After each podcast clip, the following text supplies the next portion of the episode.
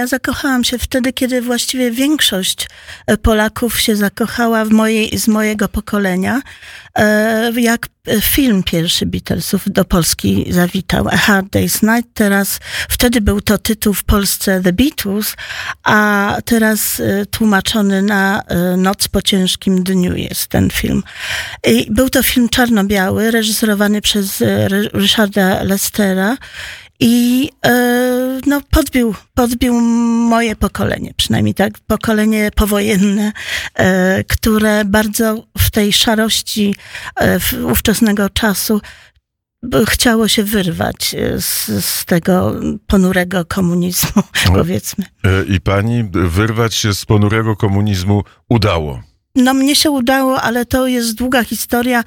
Ja, dla, ja się wyrwałam na studia do Londynu, potem się e, miałam wracać do Polski, zakochałam się w Angliku i z- zostaliśmy tam przez 36 lat. Mój mąż z kolei zakochał się w Polsce bardzo, także jesteśmy teraz w Polsce. Z szczęśliwym e, małżeństwem przez te wiele, ponad 30 lat e, 36 lat. w Londynie. Tak, tak.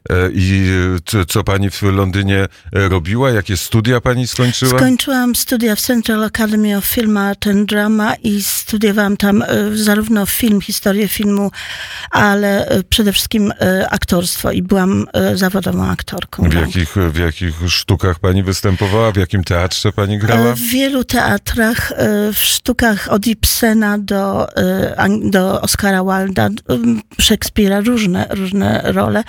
I w telewizji bardzo dużo, również w filmach, nawet hollywoodzkim filmie jednym, ale e, małą rulkę oczywiście.